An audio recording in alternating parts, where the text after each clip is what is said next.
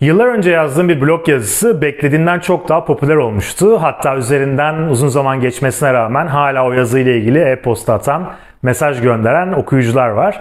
Demek ki önemli bir noktaymış. Şimdi neydi o nokta? Tekrar bir hatırlamak istiyorum sizlerle.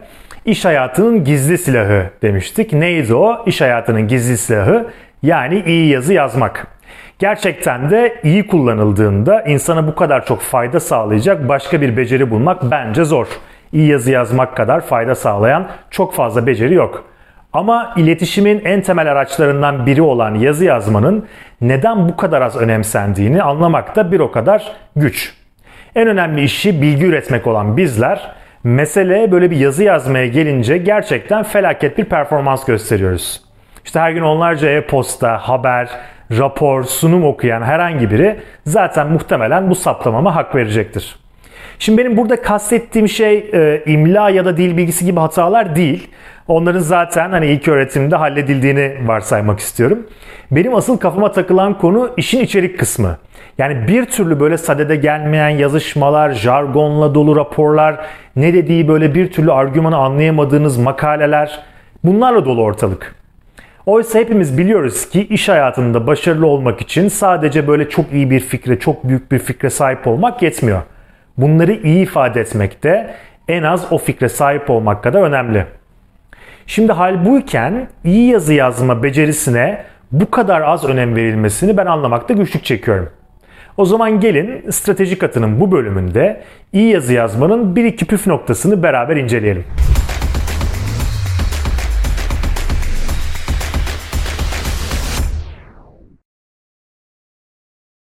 Şimdi öncelikle yazı yazmak deyince bu alanla ilgili aldığımız eğitimi şöyle bir gözden geçirelim. Ee, eğer siz de böyle benim gibi genel müfredattan geçmiş biriyseniz muhtemelen yazım hayatınız böyle daha çok e, dil bilgisi kurallarını her sene yeniden ezberlemekle, yeniden görmekle ve bazı atasözleri hakkında işte giriş, gelişme, sonuç bölümlerinden oluşan makaleler, denemeler yazmakla geçti. Şimdi neden böyle diye düşündüğümüzde aslında bence çok temel bir nedeni var bunun.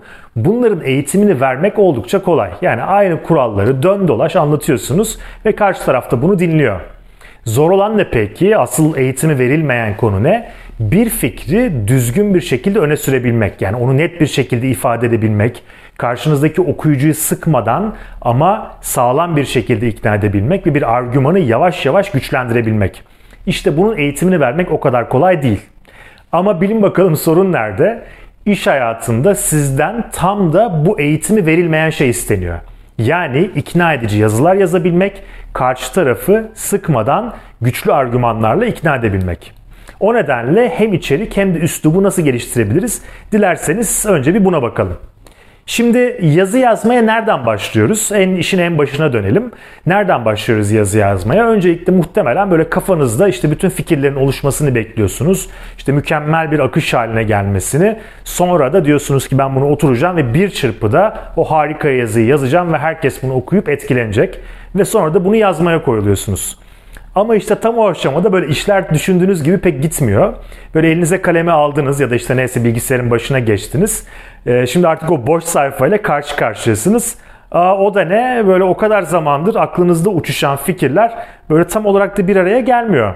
Oysa siz o güne kadar kafanızın çok net olduğunu sanmıştınız. Böyle çok gayet net fikirleriniz olduğunu düşünüyordunuz.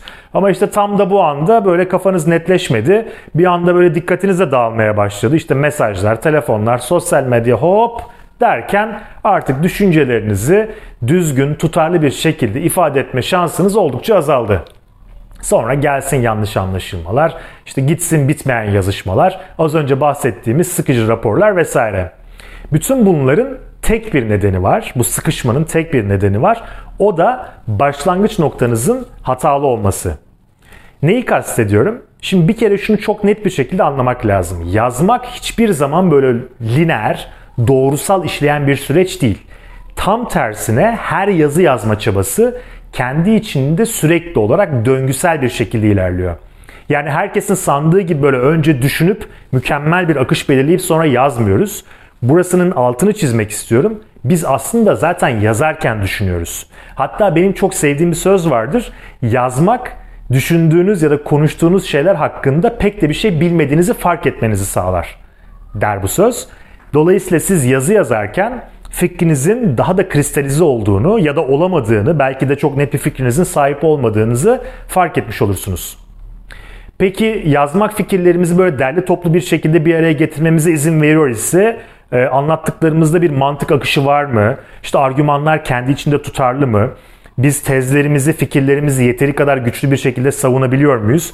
Ya da ana fikre bağlı mı kalıyoruz yoksa böyle anlatım sırasında dağılıyor muyuz? Bir bunlara bakalım. İşte bütün bu soruların cevabını zaten biz yazarak buluyoruz. Eğer düşünce sistematiğimizi düzgün çalıştırıyorsak okunması kolay ve verimli yazılar yazabiliyoruz. Eğer böyle saçmalıyorsak e, bu da kabak gibi ortaya çıkıyor yazarken. Ki aslında bu da zamanlamanız doğruysa eğer kötü bir şey değil. Yani tam tersine fikirlerinizi geliştirmek için ve düzgün ifade etmek için çok da iyi bir fırsat sağlıyor yazmak. İşte bu nedenle yazı yazmayı düşünmekten sonra gelen bir eylem değil, bizatihi düşünmenin kendisi olarak kabullenmek lazım. Yazdıkça düşünüyoruz, düşündükçe yazıyoruz, sonra tekrar düşünüyoruz, sonra tekrar yazıyoruz. Bu kendimizi tam olarak ifade ettiğimiz noktaya kadar böyle devam ediyor. Böyle döngüsel, iteratif ve birbirinin üzerine eklenen, e, inşa edilen bir süreç olarak devam ediyor. İyi yazı yazmanın ikinci ana unsuru ise ilgi çekici bir üsluba sahip olmak. Şimdi burada edebiyatla haşır neşir olanlar ne demek istediğimi anlayacaktır. Böyle büyük romancılar gibi tabii kendinize ait bir dil inşa etmeniz falan mümkün olmayabilir. Ama en azından kullandığınız dilin size ait olması şart. Bu nedenle bir yazının tam olarak nasıl bir üslupla yazılması gerektiğini söylemek mümkün değil. Bu yazının içeriğine, amacına, işte mecrasına, sizin tarzınıza göre değişiklik gösterebilir. Örneğin bir toplantı notu yazarken kullandığınız üslupla işte fikir jimnastiği yaparken kullandığınız üslup arasında ciddi farklar olabilir. Dolayısıyla birinci kısımda yazının yapısından, strüktüründen bahsetmiştik. İkinci kısımda da üsluptan bahsediyoruz. İşte iyi bir yazı bunu bir araya getiren, bu iki e, alanı bir araya getiren bir yazıdır. Ancak biz yine de böyle genel geçer bazı ilkelerden bahsedelim. E, bunlardan birincisi okuyucunun dikkatini ilk cümlede yakalamak meselesi. Bu çok önemli özellikle günümüzde çünkü herkesin artık dikkati böyle 7 saniyeyle falan ölçülüyor. Dolayısıyla yani o giriş, gelişme, sonuç falan bu akışları bir kenara bırakmak lazım. Kimsenin sizin yazdıklarınızı böyle uzun uzun okuyup sonra işte sadede gelmenizi bekleyecek falan kimsenin böyle bir zamanı ve dikkati yok artık. Önce tezinizi ortaya koyacaksınız, dikkati çekeceksiniz, böyle bir şaşırtacaksınız okuyucuyu ve okuyucunun ilk cümleyle beraber zamanını hak edeceksiniz. Sizin onu hak etmeniz lazım ki dikkat edin bugüne kadarki yazı yazma biçiminizi o alışkanlıklarınızı terk etmenizi gerektiren bir şey söylüyorum. İkinci e, ilke şu. Gereksiz kelimeleri çıkarmak gerekiyor. Bir yazı artık atacak hiçbir kelime kalmadığında mükemmelleşir. Böyle çok fazla şişirince değil. Böyle yazdığın her şeyin önemli olduğunu düşünüyorsan hani hiçbir şey önemli değildir zaten. O nedenle vermek istediğiniz mesajı doğrudan hizmet etmeyen her kelimeyi çıkarmanız gerekiyor ki bu da herkes her yazdığının çok önemli olduğunu düşünür. Biraz böyle kendi egonuzla mücadele etmenizi gerektiren bir durum. Üçüncüsü ise böyle örnekler ve cümleler kurmak. Jargondan sakınmanız gerekiyor. Herkesin anlayabileceği e, bir kelime tercih etmeniz gerekiyor. Uzun cümleler kurmayacaksınız. Örneklerle, analojilerle anlatacaksınız. Ki bunu da yapmak için doğru hikayeleri bulup doğru örnekleri ortaya koymak için doğru bir araştırma yapmanız gerekiyor. Ve son kural bilginin laneti. Nedir bilginin laneti? Garip gelebilir size. E, dil bilimci ve psikolog, bilişsel psikolog Steven Pinker 2014 yılında bir yazı yazıyor ve kötü yazı yazmanın kökeni. Yazının adı The Source of Bad Writing diye bir makalesi var. Şimdi neden diyor bu kadar yazının çoğunluğu bu kadar kötü hale geldi? E, Pinker buna şöyle bir cevap veriyor. Bilginin laneti ya da The Curse of Knowledge. Diyor ki Pinker, kötü yazı yazmanın genellikle böyle aptallıktan, cehaletten falan kaynaklanan bir şey değil. Tam tersine zeki insanlar da kötü yazı yazabiliyor. Bilginin laneti ise şu. Yazı yazan kişinin okurunu da kendisi kadar bilgili sanması. Yani siz o bilgiyi net bir şekilde karşı tarafa aktarmazsanız, karşı tarafın zihinsel modellerini geliştirmezseniz, onun için bağlama oturtmazsanız, özellikle bir konuyu çok iyi biliyorsanız o konuda uzmanlaşmış kişiler hitap ettikleri kitlenin de aynı bilgi birikimine sahip olduğunu düşünüyorlar ve karşı tarafın neyi anlayamadığını anlamakta güçlük çekiyorlar. Hatta konuyu yeteri kadar basit anlatırlarsa biraz da küçük düşeceklerini zannediyorlar. Oysa durum tam tersi. Bir konuyu en yalın haliyle anlatmak o konudaki uzmanlaşmanın tam da en temel işaretidir. Ve bunu yapabiliyorsanız işte bilginin lanetine düşmüyorsunuz demektir. Dolayısıyla iyi yazı yazmak, toparlayacak olursam iyi yazı yazmak, iyi düşünmenin, iyi düşünmekse iyi karar vermenin anahtarı.